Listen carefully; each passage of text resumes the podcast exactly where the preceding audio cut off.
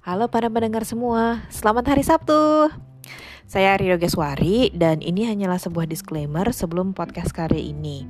Podcast kali ini kita akan bahas masalah finansial dan kita akan membahas beberapa masukan dari kita tentang apa yang kita lakukan sebelumnya dan apa yang menurut kita harusnya dilakukan.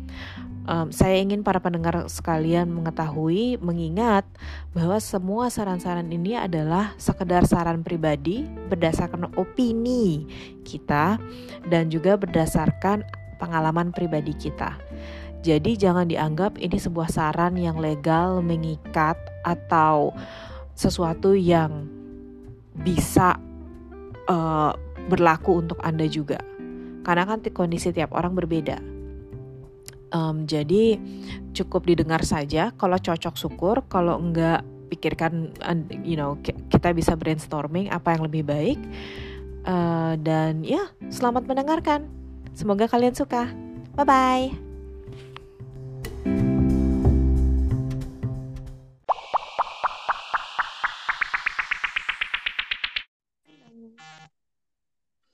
Halo, selamat sore Mbak Tutul. Apa kabar?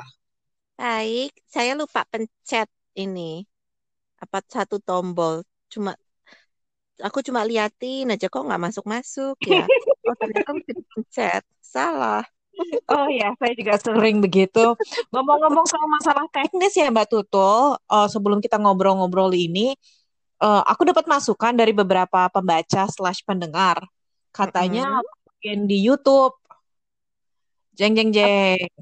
Jadi YouTube. begini, iya jadi begini para pendengar, Mbak Tutul ini super cantik dan super seksi.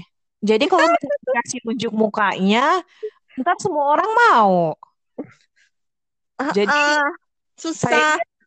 kita nggak hmm. bisa saat ini harus ya lega-lega aja, maksudnya cukupan aja lah kita dengerin baik di Anchor maupun sebenarnya ini bisa didengar di Spotify juga. Um, nanti akan saya share linknya ya. Kalau Spotify mungkin semua orang udah punya dong. Uh, jadi begitu yang masih yang mengharapkan mau ketemu sama Mbak Tutul mau melihat, oh ya ampun ini Dewi seperti apa sih? Gak bisa dulu ya sekarang ya, jangan ya nanti kita malah sibuk ngomongin orang-orang yang ngehit Mbak Tutul lagi yang Mbak Mbak teleponnya dong. Sementara muka saya kan rata-rata udah tahu Instagram saya, Yoga Suari pakai Z, pakai Y, jadi ngapain juga sih lo ngeliatin muka gue udahlah pacar gue aja buat kok biarkan agak misterius gitu biar lebih yeah. greget kan Yes, bagaikan wanita ting ting.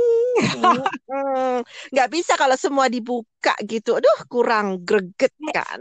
Kalau semua dibukanya bukannya malah jadi bukannya malah jadi nggak seru lagi.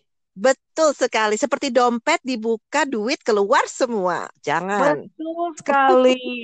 eh tapi ngomong-ngomong soal dompet, buatku ya nggak boleh di nggak boleh nggak boleh diumpetin, nggak boleh dicadari itu adalah finansial pasangan. Betul, betul, betul sekali. Betul, betul, betul, betul, betul. Ayo Mbak Tutul, Mbak Tutul nih yang mulai yang yang yang paling jago untuk soal ini. Let's go. Start duluan. Gimana nih Mbak Tuto? Tapi gini ya, ngaku nggak sih kita sebetulnya sebagai, aku nggak tahu ini lagi-lagi kultural budaya atau dengan kita dibesarkan dan segalanya. Um, kayaknya perempuan lebih cenderung entah kenapa takut ngomongin masalah duit nomor satu, terus ngerasa duit itu milik lelaki, hanya milik lelaki. Terus um, takut aja gitu ya. Nggak tahu oh, kenapa. seriusan, seriusan lo bilang uh, kamu bilang duit itu milik lelaki. Saya tahu loh ada beberapa orang di sini maupun di Indonesia yang duitku duitku duitmu duitku. Oh iya itu saya. Bagus. Tapi, tapi bukan tapi mhm. kurangnya bukan cuma wanita loh sebenarnya finansial itu adalah sesuatu kesehatan finansial atau kondisi finansial itu buatku yang aku lihat semua orang kena semua orang ter, terpengaruh waktu ini aku kan Hmm, jadi sekedar background story, aku ini sebenarnya uh, berlisensi untuk jualan sekuritas di Amerika dan juga untuk jualan life insurance ya. Jadi berikutnya mungkin uh, podcast berikutnya kita akan ngomongin soal life insurance yang menurutku penting banget buat anak rantau kayak aku. Um, tapi lanjut lagi ya kita ngomongin finansial. Aku pernah ikut pelatihan yang khusus wanita. Jadi kita gimana, you know, bagaimana kita mengatur finansial sebagai wanita, kesehatan finansial kita kayak gimana, dan semua mbak-mbak ibu-ibu di situ tuh yang semangat 45 gitu loh. Terus pas ditanya, Uh, jadi gimana? Udah siap ibu? Siap. Udah tahu gimana caranya ngatur finansial Anda? Iya. Udah siap ngomong sama pasangan tentang ini? Langsung semua hening. Like, iya kan? Iya. Meningkan kita. Tapi sebaliknya gitu loh. Maksudnya aku juga pernah ngeliat lelaki itu yang kalau ditanya, eh gimana? Karena kan ada aku, you know, aku pernah mencoba beberapa temanku untuk jadi klienku. Kalau pas ditanya itu, mereka tuh yang kayak gengsi mati gitu. Yang nggak mau bilang sebenarnya. Kayaknya berat gitu loh untuk untuk untuk mengakui bahwa hey kondisi finansial gue sebenarnya lagi nggak bagus. Kayaknya memang itu deh faktor terbesar kalau di sisi lelaki. Ini pendengar pembaca pe, pemirsa um, sekalian ini bukan bukan kita maksudnya gender stereotyping ya atau gimana. Tapi um, ini benar-benar cuma cuma uh, pandangan personal dari yang kita lihat. Kemungkinan salah uh, atau tidak tidak sepenuhnya benar itu ada. Jadi disclaimer dulu maaf jangan jangan ada yang emosi gitu ya. Kecenderungan ya. Jadi bukan 100% semua lelaki seperti ini. Mm -mm. tapi memang yang saya lihat sepertinya itu ya. Dan ini lagi-lagi berdasarkan pengalaman. Kayaknya memang lelaki kan dituntut buat uh, bis apa buat mampu gitu kan? Lebih mampu. Mm -mm. Uh -uh. jadi kayaknya waktu kalau mau bilang sama pasangan dek saya cuma uang saya cuma saya cuma uh, gaji bau gaji pulang saya cuma 200 dolar per minggu. Itu kayaknya thanksin deh gitu loh. Iya. Betul kali. Hmm. Terus bukannya maksudnya mikirnya bukannya, "Dek, gimana ya? Saya kok cuma bawa pulang 200 dolar per per per per minggu kita bisa ngapain lagi ya dek? Kamu ada ada usul nggak? Gimana kek? Ya kan sebetulnya kan lebih bagus. Buka-bukaan aja gitu loh. Nggak usah cuma masalah uh, buka baju gitu kan. Buka-bukaan aja nih gimana? Kita mau improve gimana? Uh, kenyataannya segini. Kamu eh kamu apa? Dan begitu. Tapi aku ngeliat uh, ya lanjut lagi mbak Tutul. Tapi memang uh, uh, aku pernah juga lihat ya ada pasangan muda yang dua-duanya tuh saling mendukung dalam arti mereka berdua tuh ngerti gitu loh. Oke, kita sama-sama lagi merintis istilahnya kan. Jadi gimana? Kamu uh, kamu punya kamu bawa pulang berapa? Segini, saya bawa pulang segini. Oke, gimana kalau kita mau ningkatin lagi? Kamu berarti mau sekolah. Nah, itu itu hasilnya bagus loh. Itu aku ngelihat sendiri ini pasangan muda ini hasilnya bagus gitu. Sama-sama sama-sama menderita quote quote menderita kan karena yang satu harus sekolah dulu yang ini. Tapi aku ngelihatnya mereka memang e, buka-bukaan soal finansial gitu. Ngobrol apa adanya dan uh, punya fokus yang sama punya goal yang sama. Dan mereka jadi gitu loh. Mereka jadi memang uh, bikin rumah, punya rumah, terus uh, beranak pinak gitu, entah berapa anaknya. Tapi mereka, mereka jadi gitu loh. Terus um, dan aku ngeliat gimana gimana mereka merintis. Jadi memang memang seperti yang kamu bilang ngobrol deh, ngobrol-ngobrol deh soal um, duit bukan cuma duit masuk kan ya, duit ke mana juga diobrolin, bener nggak? Kayaknya yang bakal terus-terusan kita obrolin ya untuk semua masalah komunikasi ini kayaknya bakalan sorry untuk semua masalah relationship sebenarnya basicnya satu ya. Komunikasi. Kesediaan mendengar tanpa ngejudge dan juga kesediaan untuk humble untuk kayak apa istilahnya ya berani malu dan ngomongin terutama untuk masalah finansial karena sekali lagi saya ingatkan nggak bisa bayar sewa rumah nggak bisa bayar cicilan rumah cuma pakai cinta betul betul sekali betul sekali Jadi apa pun yang anda pikirkan selama nggak ada cinta, selama nggak ada selama nggak ada duitnya, ya ya udah. Terus kalau perut lapar biasanya semua mua tuh jadinya perut lapar, kepala stres, itu semua muanya tuh jadinya yang kecil-kecil jadinya panjang.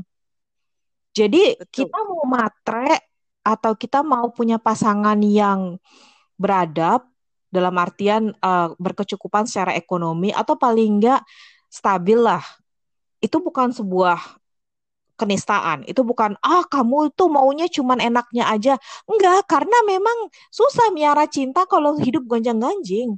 Dan dan bukan cuman buat perempuan loh ya. Yang lelaki juga itu loh yang masih nyari mbak-mbak cakep tapi nggak bisa ngapa-ngapain. Ntar kalau ada apa-apa kamu gimana? Mau? Jadinya malah susah sendiri kurasa semua pihak baik yang perempuan, baik yang lelaki, pokoknya kita harus bisa milih pasangan yang bisa dipegang istilahnya. Yang bisa dipercaya. Terutama untuk masalah finansial.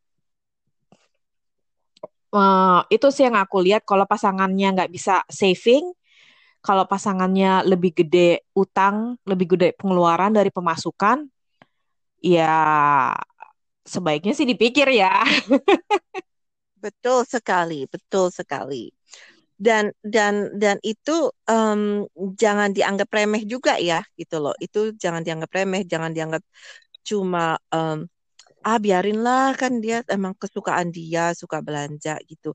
Karena kenyataannya memang benar ada loh yang namanya um, kecanduan belanja itu ada itu beneran ada. Kok jadi nyerang aku sih gitu. sekarang? Just kidding. Lanjut lanjut. Iya kan, jadi kecen apa itu ada, itu itu benar. Jadi bukan bukan cuma um, apa apa sih khayalan gitu atau kita cuma baca oh ini paling di, digede-gedein gitu kan digede-gedein aduh masa sih ada orang belanja sampai segitunya? Itu beneran ada loh gitu loh. Jadi um, lagi-lagi gitu ya um, kalau misalnya pacaran itu atau misalnya mau tahu di nggak nggak usah bukan nggak usah galilah sampai sedemikian detailnya itu juga nggak apa-apa gitu. Karena eh, ya itu kenyataan gitu loh. Dan eh, ke eh, kebalikannya kalau pasangan kamu juga medit semedit semeditnya minta ampun itu juga mesti dipikirin. Nah, iyalah kita kan maunya maksudnya hubungan itu kan maunya gimana ya aku selalu menganggap bahwa hubungan itu harusnya lebih satu tambah satu lebih bagus dari lebih banyak daripada dua. Ngerti gak maksudku mm -mm, aku sendiri mm aku merasa c aku merasa aku udah komplit. Jadi aku butuh pasangan aku nggak mencari orang untuk bikin aku komplit. Aku mencari orang yang bikin aku jadi lebih baik. Standar kehidupanku lebih baik um, kebahagiaanku lebih baik. Jadi kalau misalnya cuma nyari orang yang ya udah gue hidup sendiri, lo hidup sendiri, ada sih orang yang sanggup seperti ini. Makanya harus balik lagi dilihat kita maunya seperti apa. Kalau kita mendambakan kebahagiaan dan sebagainya, ya lo harus lihat uh, pasangan lo gimana nantinya. Dan buatku balik lagi kayak ke masalah. Ada, aku ngerti sih, maksudnya banyak orang yang memang juga um, sensi, terutama lelaki, yang kalau ditanya gajimu berapa, yang langsung apaan sih lo kok matre banget? Um, buat maksud lo apa? Iya. Gue sanggup kok, gue sanggup, gue sanggup gitu. Kayak sekedar referensi nih, kayak aku sama pacarku yang sekarang, kalau boleh bandingin ya, aku sama pacarku itu atau sama aku ini yang yang paling lama, tapi sama pacarku yang sebelumnya juga aku nggak pernah tahu exactly mereka bikinnya berapa maksudnya duit mereka gaji mereka berapa uh, terus ke mana duitnya karena kan ceritanya masih pacar. Tapi tapi aku dikasih tahu paling enggak debt-nya mereka utangnya mereka itu seberapa. Kita sharing. Ah, kita aku bisa bilang jadi kayak misalnya nih waktu ini aku pindah apartemen terus aku beli barang-barang baru. Terus temanku nanya eh, pacarku nanya kamu sanggup? Terus aku bilang, oh aku sanggup. Lihat, ini savingku di sini segini, di reksadana segini, di investasi lainnya segini. aku sanggup. Dan dia pun melakukan hal yang kurang lebih sama sama aku gitu. Kalau aku tanya uh, kalau pas lagi dia sering jajanin aku gitu kamu sanggup? Uh, terus dia akan bilang oh iya ini masih masuk budget. Jadi ada sebuah paling nggak kalau memang nggak mau buka-bukaan atau belum di tahap yang bisa buka-bukaan, paling nggak mesti mesti tahu dan mesti konsisten budgetnya berapa dan um, apakah dan jelas gaji ya, aku tahu gaji dia berapa, dia tahu gajiku berapa. Itu aja kalau kamu nggak bisa tahu utangnya berapa minimal gajinya. Terus kelihatan ininya dia apa namanya um, banyak hal-hal yang sebenarnya kita bisa tahu kalau kita mau teliti. Cuman kebanyakan dari kita itu sayangnya yang ya udah kan dia, dia tiap hari jajanin gue, gue tiap hari ditraktir diajak makan. Ya udah dong hidup gue bahagia. Wow, no. Lah kan saya pacarnya bule, dan gajinya dolar. Nah itu dia apalagi gitu loh. Sementara kita ngomongin nah balik lagi ya kalau kita ngomongin finansial bule karena kan ceritanya kita kan bule sekarang bule lebay um, sebenarnya tinggal di Amerika ini aku nggak tahu kalau negara lain ya tapi karena aku dan kamu Mbak Tutul kita tinggal di Amerika kita berdua tahu men itu duitnya jauh lebih banyak keluar dibandingin cuma di Indonesia kita ada health insurance, asuransi kesehatan itu wajib.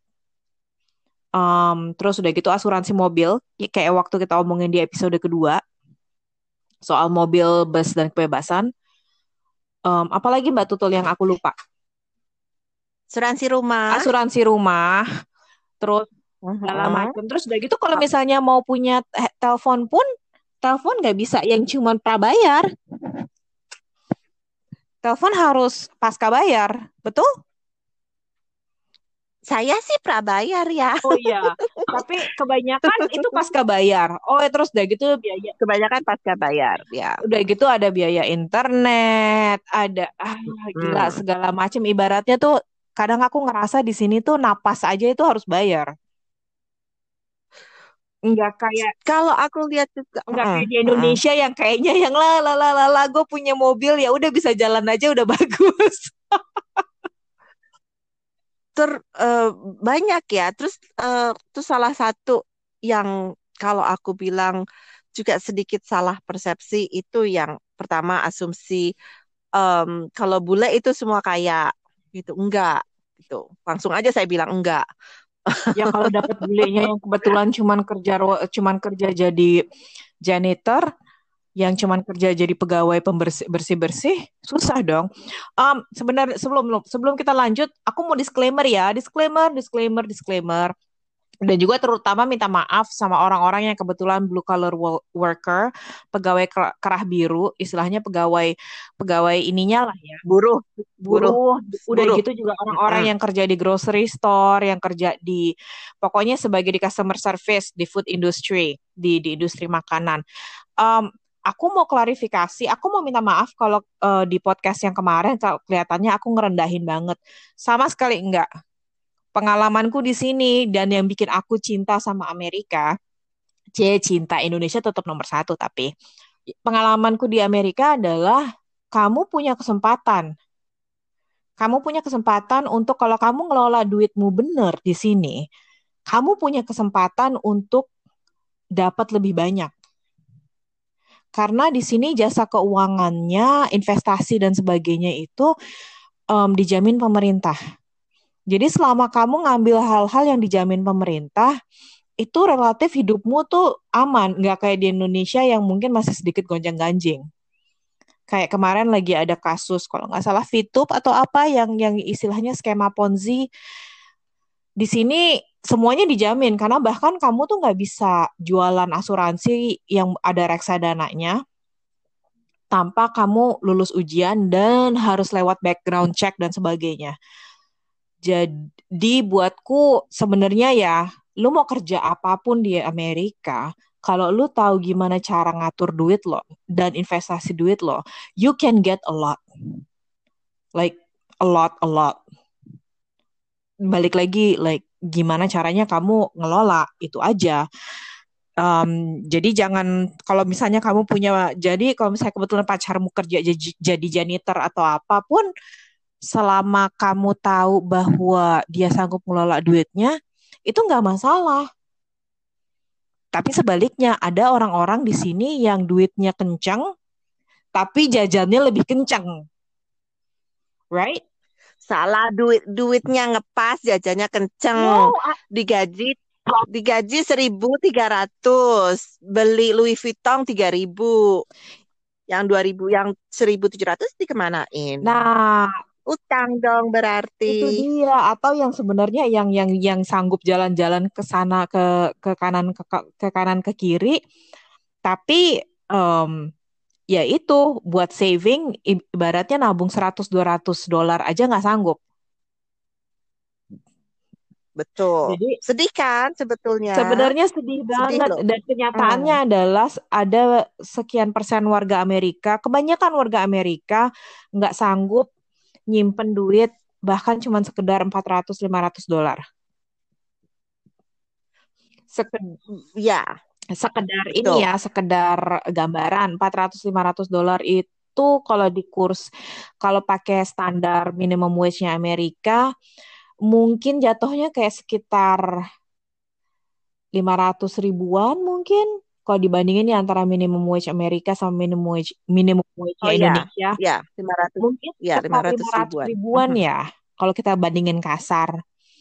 Um, jadi jangan di jangan dikaliin jangan dikaliin sama kurs ya. Kalau dikaliin sama kurs kelihatannya uh kaya raya gitu oh, loh. Tapi enggak, jangan bandinginnya jangan jangan begitu uh, sebelum sebelum saya lupa, sebelum saya lupa. Jadi uh, balik lagi ya ke ke bukan masalah uh, pekerjaanmu apa, ya kan? Tapi benar-benar masalah kamu sadar kamu pemasukan berapa dan pengeluaran berapa itu gitu loh mau kamu kerjaannya CEO atau dapat uh, bonus 100 juta tapi kalau kamu nggak bisa kelola ya habis aja 100 juta itu gitu loh. Jadi sekali lagi seperti yang kamu bilang, ini bukan cuma masalah pekerjaan yang bagus. Iya tentu saja ya pekerjaan yang bagus menjamin pe, e, gaji yang bagus. Tapi juga kita mesti ingat mau bagaimanapun pekerjaan bagus kamu atau gaji kamu segede apa pun, kalau kamu memang nggak bisa e, pengelola duit, ya duitnya ya hilang. Duitnya ya sudah selesai. Terima Duitnya ya kasih. Ya puff aja, puff. puff in the air aja gitu. Gitu. Nah, tapi sekarang pertanyaannya, Ri, pertanyaannya. Pertanyaan terpenting. Jadi saya mesti gimana dong, Mbak? Saya kan uh, nggak kerja, saya kan imigran, baru datang ke sini. Terus suami saya, oh, saya cinta banget loh, Mbak. Saya nggak bisa terus tapi suami saya kan bule terus um, terus uh, uh, terus gimana mbak saya nggak kerja terus ngomongnya dari mana dong mbak mulainya jeng jeng jeng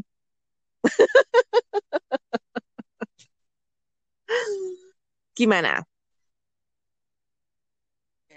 Ya kan yang yang bilangnya aduh tapi kan suami gue bule tapi masa sih gue harus kerja? Kan malu. Karena seriusan lo ada temenku yang istrinya bule eh sorry yang suaminya bule terus sorry temanku yang istrinya orang Indonesia cerita kalau oh iya temennya dia bilang oh gue sih dikasih duit dikasih duit jajan minimal segini seminggu kalau lo nggak dikasih sekian berarti lo tuh um, dia nggak sayang sama lo. Gue tuh yang emang lo pikir semua orang di sini dolar itu tinggal nyetak apa tinggal ngeprint dari printer rumah? You know, jadi ada istilahnya rasa malu seperti itu. Um, dan balik lagi ya, kalau misalnya ditanya kerja di sini apa, aku boleh ceh, aku aku nggak boleh sombong. Aku soalnya kebetulan dapat kerjanya itu kerja kantoran dari awal. Tapi aku lihat ada orang-orang di sini yang cerita dia kerjanya itu awalnya cuma jadi karyawan McD misalnya atau KFC. Tapi habis itu dia bisa kuliah terus sampai dia jadi suster. Dan suster di sini gajinya gede loh. Jadi di sini tenaga kesehatan itu gajinya tuh yang tuh hujan duit. Makanya saya terusan dibilang ya lo balik lagi dong ke kesehatan itu hujan duit lo terus gue yang ih ogah. Um, lanjut. Ngerti kan? Jadi kalau di sini kesempatan itu selalu ada. Dan di sini nggak kayak maksudnya nggak nggak kayak di Indonesia yang kalau ngelihat iklan lamaran pekerjaan itu masih sangat umurmu berapa maksimal umur maksimal tinggi badan nggak boleh menikah hal-hal kayak gitu kan di sini hitungannya diskriminatif. Jadi umurmu mau 50, 60 tahun pun dan baru mulai kerja, baru mulai jalan itu masih bisa. Um, jadi di sini aku nggak bisa bilang bahwa pekerjaan itu mempengaruhi pekerjaan mempengaruhi gaji, tapi selalu ada cara untuk naik lebih lanjut. That doesn't mean aku nggak cinta Indonesia ya. Aku menurutku Indonesia itu keren abis. Disclaimer. Um, tapi kita benar-benar harus nge-tackle, kita benar-benar harus udahan dengan bentuk diskriminasi. Yang kalau misalnya di ngelihat lamaran pekerjaan, maksimal umur, maksimal tinggi badan, maksimal berat, kirimkan foto harus penampilan menarik. Wajah ya, menarik, like, jangan lupa. Lu lu nyari, lu nyari yang bisa kerja, apa yang bisa lo lihat? Di situ sih yang keselin. Tapi kalau kita ngomongin balik lagi ya, kita ngomongin finansial um, di sini kesempatan finansial itu besar, tapi kesempatan untuk jatuhnya itu juga besar. Karena di sini kredit gampang.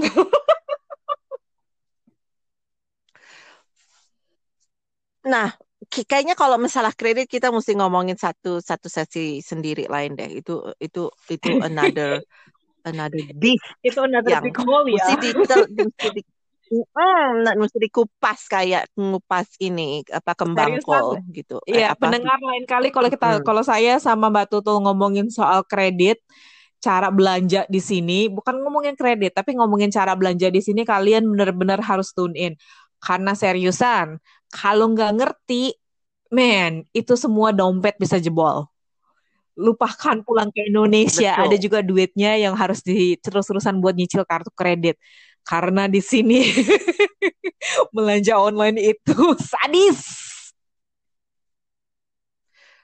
Nah, uh, kalau menurut saya ya, um, kalau kalau kamu gimana, Rit? Uh, jadi kalau menurut aku langkah pertama itu dalam mengelola duit selain ngomong ini ya buka-bukaan sama pasangan gitu uh, apa goal kalian apa mau mau apa mau gimana kayaknya kalau aku salah satu nasihat yang aku paling uh, pakem deh ya buat aku itu adalah uh, pay myself first.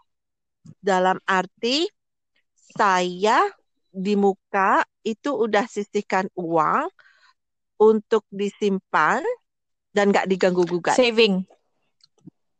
Yes. Bahasa kerennya saving. Yes. Um, buatku yang boleh aku tambahkan yeah. adalah juga Uh, jadi balik lagi ya, maksudnya bukan balik lagi. Uh, sebenarnya kunci kebebasan finansial itu adalah uh, kemampuan kita untuk mengelola uang kita. Kita sering ngomong kalau aduh gila kebebasan finansial itu bahasa MLM banget nggak sih? Hmm, eh, iya kan, iya. kebebasan hmm. finansial udah gitu lo bayanginnya, oh lu naik kapal pesiar gitu loh, santai-santai di yacht lo, lo punya villa, lo bisa jalan-jalan ke luar negeri kapan aja. Enggak men, kebebasan finansial itu sebenarnya sesederhana, lo nggak usah mikir bulan depan bayar kontrakan gimana. Yang ibaratnya misalnya hari ini lo di PHK, tiga bulan ke depan, lo tahu banget tiga bulan ke depan lo masih bisa hidup. Yang kalau sekarang juga lo mau berhenti dari kerja lo bisa. Dan itu sebenarnya costnya itu nggak tinggi. Kita cuma perlu punya duit uh, istilahnya ya rainy day fund duit emergency duit darurat misalnya taruhlah tiga kali gaji soalnya kan biasa kita perlu 3 sampai enam bulan sampai ketemu pekerjaan yang baru jadi hmm. jangan istilahnya kita harus kita harus pintar-pintar. Oh ya udah, jadi jangan kemakan gengsi, jangan kemakan nafsu. Yang nomor satu seperti lo bilang, pay yourself first. Harus kudu wajib bayar uh, nyimpen itu biar lo bisa tenang hidup lo. Kayak waktu gue di um, dulu waktu pas gue lagi cerai, gue cerita aja nih ya, kenapa kebebasan finansial itu sangat berpengaruh sama otak gue. Iya, eh, gue abis tau gue diselingkuhin sakit hati dong, like kayak zombie dong. Tapi gue punya cukup Mhm. duit sehingga maksud gue gue punya cukup duit sehingga kalau gue mau udahan mau nggak kerja atau bahkan kalau gue mau packing udah gue pulang ke Indonesia gue bisa pulang. Dan lebih gampang lu nangis meratapi nasib saat lo sibuk ngemil Indomie misalnya atau McD atau pokoknya makanan apa pun. Dibandingin lo si lo nggak sempet meratapi nasib karena lo sibuk memikirkan besok lo mau kabur ke mana makannya gimana bayar kontrakan gimana jadi bu, kalau kita ngomongin balik lagi soal relationship nomor satu yang paling utama itu adalah lu harus sanggup hidup sendiri lu harus punya kebebasan finansial lo sendiri dan buat gue pribadi Jadi jangan jangan selalu mikir, aha sorry di- dipotong. Jadi jangan selalu mikirkan ah ada suami, ah kan suamiku bisa. Jangan, jangan, jangan, ya kan? Jangan selalu mikir kalau kamu akan tergantung sama suamimu sendiri. Coba lihat kalau pasangan nggak ada, gimana dan bukan cuma bisa di? Amerika ya bukan cuma Hmm. yang di Amerika bukan cuma yang akan pergi ke Amerika atau ke negara apa pun tapi juga yang di Indonesia lo harus mikir dan kadang-kadang itu sesederhana mengelola uang lu aja kayak aku aku istilahnya ya quote unquote survive waktu aku cerai itu adalah em, karena aku punya apartemen jadi misalnya nih apartemenku misalnya taruhlah kita eh, harusnya eh, bayarnya X sekian yang sebenarnya lebih murah dari harga apartemen di daerah-daerah lain. Harga apartemen di daerah lain itu misalnya Y, oke?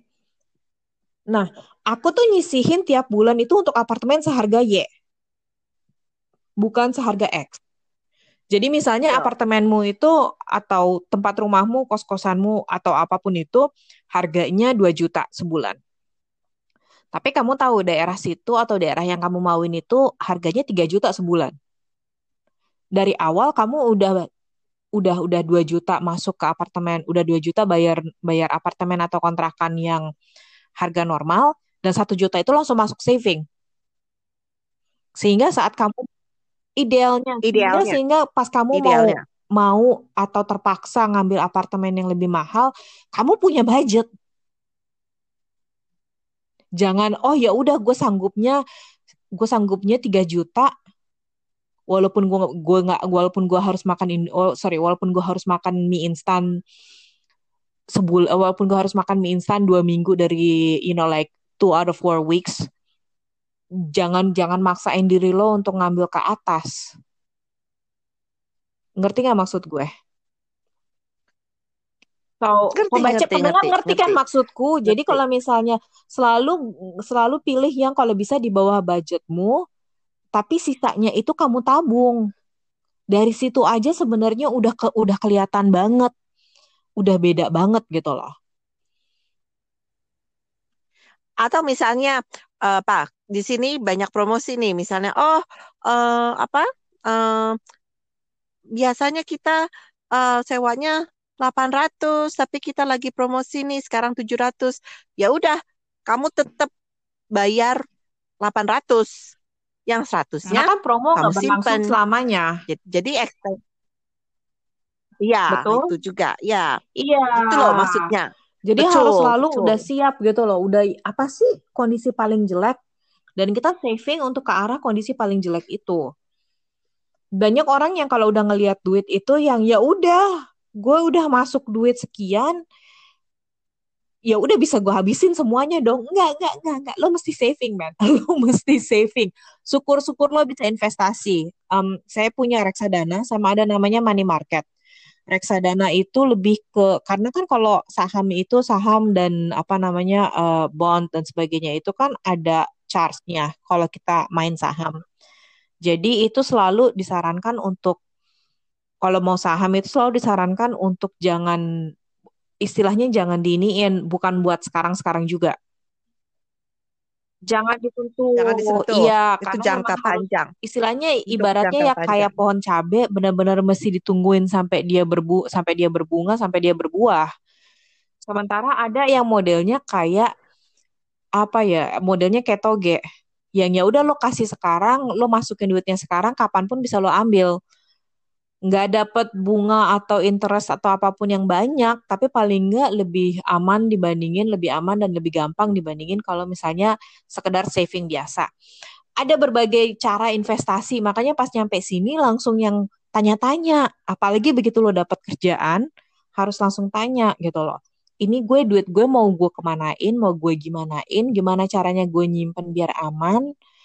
Em, kalau gue mau ngirim ke Indonesia, cara apa yang paling cara apa yang paling murah dan terjangkau, tapi juga tepat dan akurat. Jadi bukan cuma datang ke sini terus yang oh nanti kan suamiku yang ngerjain. No, no, no. Karena begitu suamimu nggak ada, entah kehendak Tuhan, entah kehendak wanita lain, entah kehendak apa pun, terus lo mau ngapain? Entah Iya kehendak kan, entah kehendak debt collector yang tiba-tiba lu tuh yang Iya, yang ntar tiba-tiba yang Mbak, Mbak, maaf ya, suamimu mana ya? Oh, saya, kita akan memanggil dia untuk kasus begini dan kasus begitu. Jadinya kan, Oh, kan kan iya, atau misalnya ini ya, em, banyak wanita yang nggak tahu kalau di sini eh, child support, nafkah anak itu wajib. Jadi para mbak-mbak, tante-tante, ibu-ibu, nenek-nenek, siapa pun para pendengar yang kebetulan punya pacar, terutama laki-laki ya, untuk yang punya pacar di sini yang harus bayar, yang punya anak, itu kemungkinan dia harus bayar nafkah anaknya. Nggak kayak di, maksudnya beneran deh, nggak kayak di Indonesia yang cuma lo bisa yang, oh saya ceraikan kamu, yuk bye, hati-hati di jalan ya. Dan ya udah nggak nafkahin.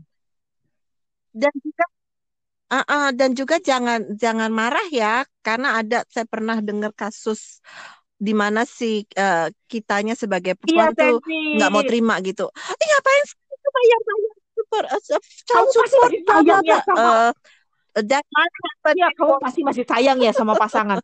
Enggak, sayang. Aku cuma nggak pengen di, aku nggak cuma nggak pengen diciduk polisi aja. Cuma nggak pengen di penjara Dan aja gitu kadang-kadang aja kalaupun nggak di penjara, tapi ka- tapi gaji mereka bisa langsung dipotong. Iya. Jadi intinya gini ya. Jadi intinya beneran deh. Eh, apa duit itu kamu mesti Harus tahu, buka-bukaan. Iya, Kamu lanjut. mesti ngerti. Kamu mesti ngerti tipe kamu sendiri, kamu mesti ti- ngerti tipe pasangan sendiri. Apa? Kamu tipe spender, dia tipe saver. Apa kamu eh, dia tipe pelit, kamu tipe hura-hura. Terus gimana caranya? Apa dia tipe yang eh, impulse yang, "Wuh, ayo ke sini, bayar belakangan." Atau atau kali ap- tipe yang perencana. Itu semua coba berusaha ditahu di muka supaya kamu bisa eh, ngerti hidup yang kamu akan kamu jalani itu gimana gitu loh. Kalau saya ternyata tipenya tipe pembelanja. Ngaku aja deh. Eh, tapi di satu sisi saya em, tetap eh, bisa savings gitu. Nah, jadi beneran balik lagi eh, seperti yang kita omongin di apa ya? episode ke- episode ketiga kan ya tentang pasangan. Itu bener-bener mesti lihat sendiri. Buka savings I think mini itu minimal. No, not minimal. Itu harus kudu. Nggak boleh enggak. Kalau Minimal kalau buat saya ya. eh so- kan ada savings, ada ada checking kan di sini kan istilahnya ada apa? menabung dan ada rekening biasa. Kalau menurut aku sih yang namanya savings itu a must do. Nggak ada no buts, no cuts, no coconuts, no donuts istilahnya di sini. Itu kudu harus harus harus harus Apalagi punya. ya, paus bentar. Apalagi kita anak rantau, buatku minimal. Minimal, lu harus punya duit untuk beli tiket pulang. One way, nggak usah One way. two way. Tapi di sini one way tiket. Kalau gue di Los Angeles ya, aku di Los Angeles karena pernah waktu itu kangen banget pengen pulang rumah. Itu 2000 dolar. Jadi lu benar-benar mesti punya tiket cari biasa harganya berapa, harus punya duit paling nggak segitu. Jadi kalau ada apa-apa, lu tinggal ke airport, udah kelar. Minimal, nggak usah betul, yang lain-lain. Minimal. Jadi paling nggak lu lu diapain karena kebetulan dapet suami yang nggak bener atau lu nya yang nggak bener atau gimana, apa pun yang terjadi, you know, you know on the back of your head di belakang kepala lo itu yang, you know what, udahlah gue pulang sekarang. Karena seingatku transfer antara Indonesia Amerika itu butuh waktu. Jadi kita memang benar-benar perlu punya duit sekarang-sekarang juga. Yang ibaratnya bisa ke ATM tinggal tarik selesai. Betul. Betul sekali. Kakak, kakak, kakak Ari, kakak Ari, tapi saya ada pertanyaan Mhm. dong. Jadi saya mesti savingsnya berapa tiap Tergantung ya kalau bulan? aku pribadi kayak gini lah, minimal buatku coba simpen kayak 100 per bulan. Simpen aja. Jadi buat you know, kalau misalnya ngerasa nggak sanggup pakai saving atau kebetulan dapat suami yang controlling, karena memang ada beberapa wanita Indonesia di sini yang sayangnya jadi korban financial abuse. Apa namanya kekerasan finansial, di mana mereka nggak tahu duit mereka ke mana, eh, mereka nggak tahu gaji suami berapa, pokoknya mereka kerja aja dan ya udah nggak punya duit, nggak dikasih duit dan itu memang sebuah tindakan kekerasan ya. Kalau kamu dikasih, kalau kamu nggak punya uang untuk ke mana-mana, jadinya kamu kayak kerantai di rumah, iya kan? So, um, itu Ya, bentuk kekerasan yang ngomong-ngomong eh, pendengar, jadi jangan mau.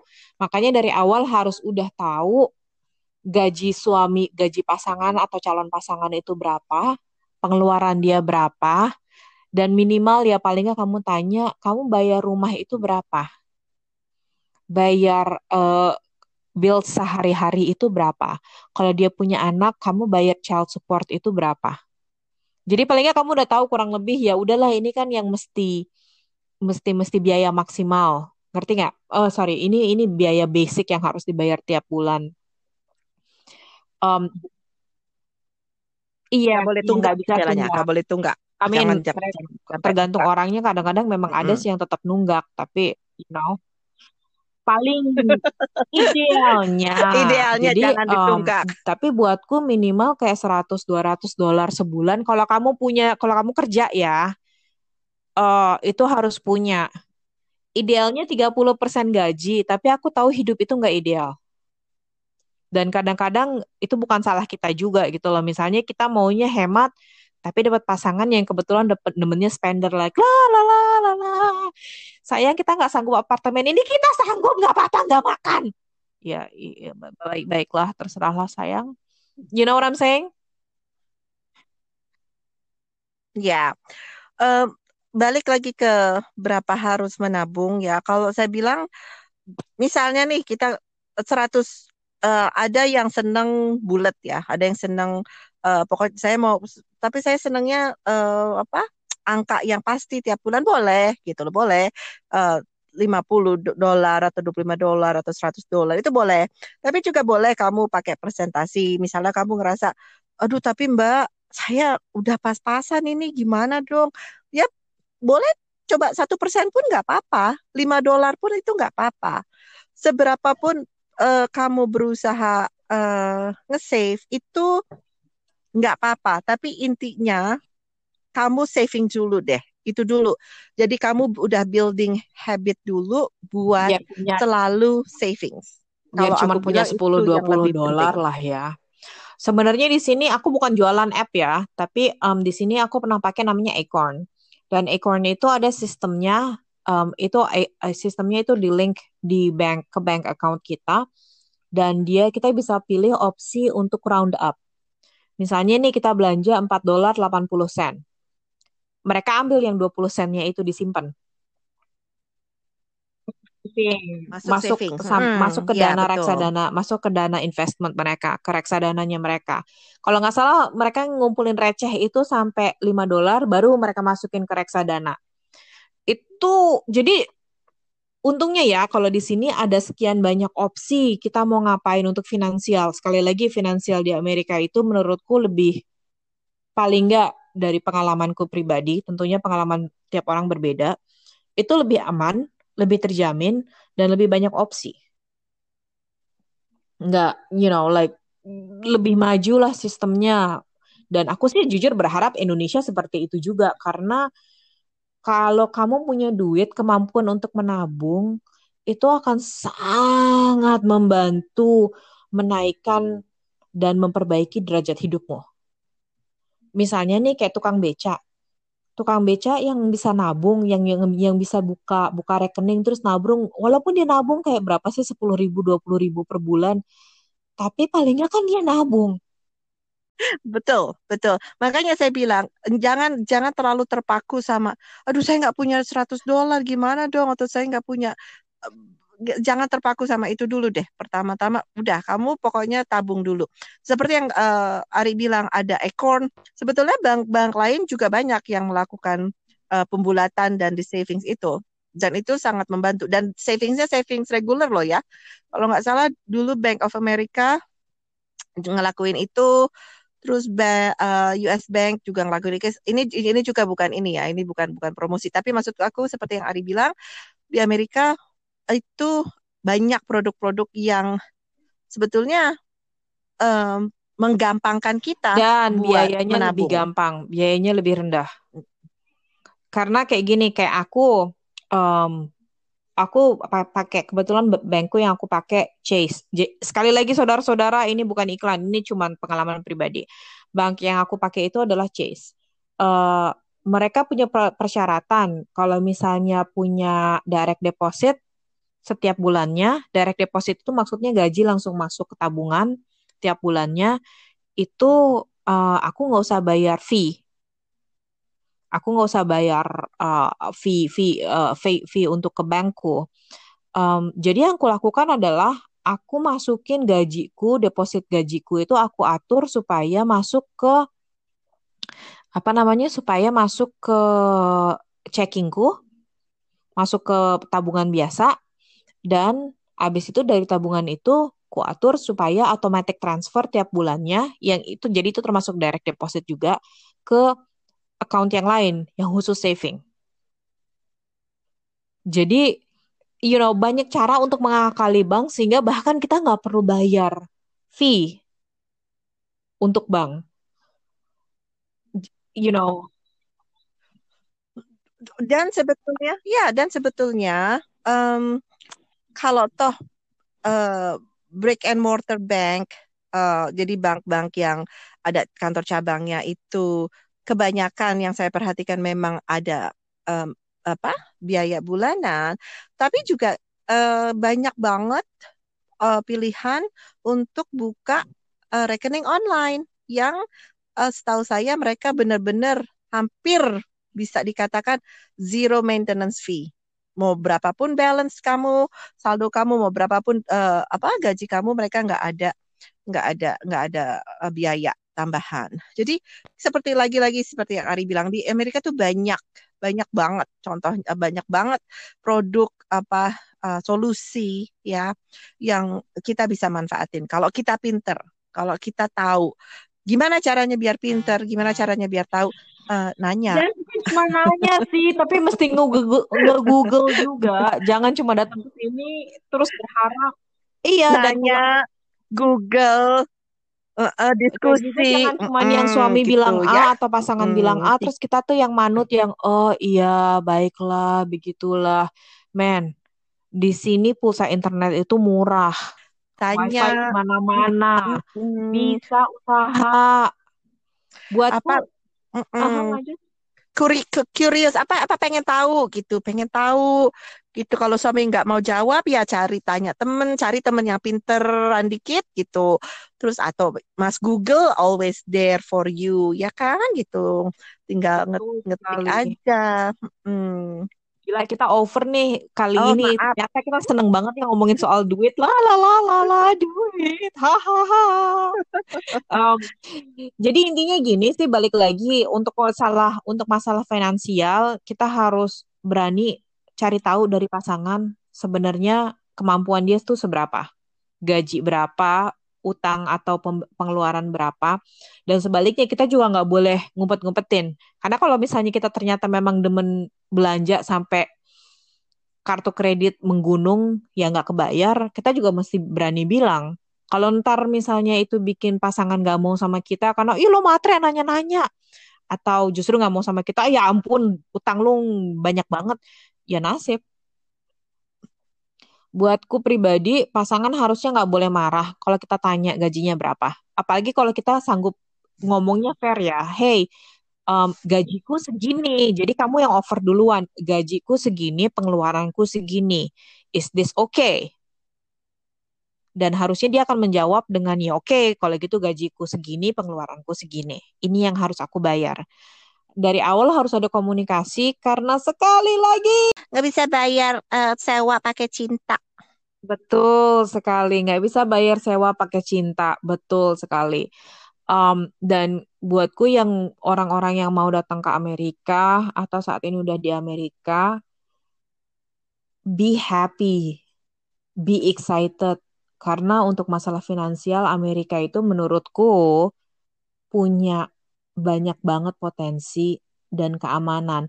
You can get whatever you want here. Lu bisa dapetin apa aja yang lo mauin di sini. Legally ya. Legally. Legally. Legally. Tanpa secara legal, tanpa diskriminasi, tanpa you know mengingat suku agama ras dan sebagainya jadi kesempatan di sini jauh lebih banyak. Jauh. Kalau kita mau, kalau lebih kita banyak. mau juga. Kalau kita mau, kalau kita nggak mau ya, ya, ya nasib. Ya maaf ya. aja. Ya. ya gitu deh. anyway, makasih banyak loh Mbak Tutul udah nemenin saya sekarang um, dan kita akan ketemu hari Sabtu minggu depan uh, dan itu udah mau deket-deket Valentine. Kita enaknya ngomongin apa nih kalau udah mau deket-deket Valentine? Hmm, uh, saya kurang kurang paham dalam masalah cinta. Ya, bahasa lo. Gimana kalau gitu kita kita ngobrolnya santai aja, kita ngobrolin lelaki gimana? Ada salah satu masukan dari teman. Uh -huh. uh, teman saya bilang, Mbak, ayo dong buka mitos-mitos tentang uh, ini, uh, tentang bule atau tentang Amerika gitu. Gimana? Mitos tentang bule, tentang Amerika, that sounds interesting, terdengar menarik. Tapi kita harus lebih spesifik sih tentang bule, tentang apa nih? Tentang ukuran? Ah, tahu kok saya jadi senang. Itu salah satunya. Dan tentang banyak lagi sih. Um, kita spesifik aja ya gimana kalau misalnya kita tentang orang Amerika per se, tentang you know personalitinya, fisiknya dan sebagainya, cara berpakaian, minum atau enggak minum, boleh boleh boleh boleh, boleh. lelaki Jadi, Amerika, lelaki Amerika, karena ya, kita sukanya lelaki ya, karena kita ya. sukanya lelaki, maaf. Tapi ya. teman saya juga banyak yang perempuan, jadi mungkin saya akan selipin beberapa tentang perempuan. Ya, siapa tahu ada yang mau niat oh, cari boleh, jodoh boleh, boleh, tentang ya, ya, ya. perempuan juga. Oke? Okay? So, okay. thank you banget sekali lagi Mbak Tutul. Sampai ketemu minggu depan. Okay. Dengan topik Bye. kita adalah mitos. Yeah, mitos. mitos. Bye-bye. Bye.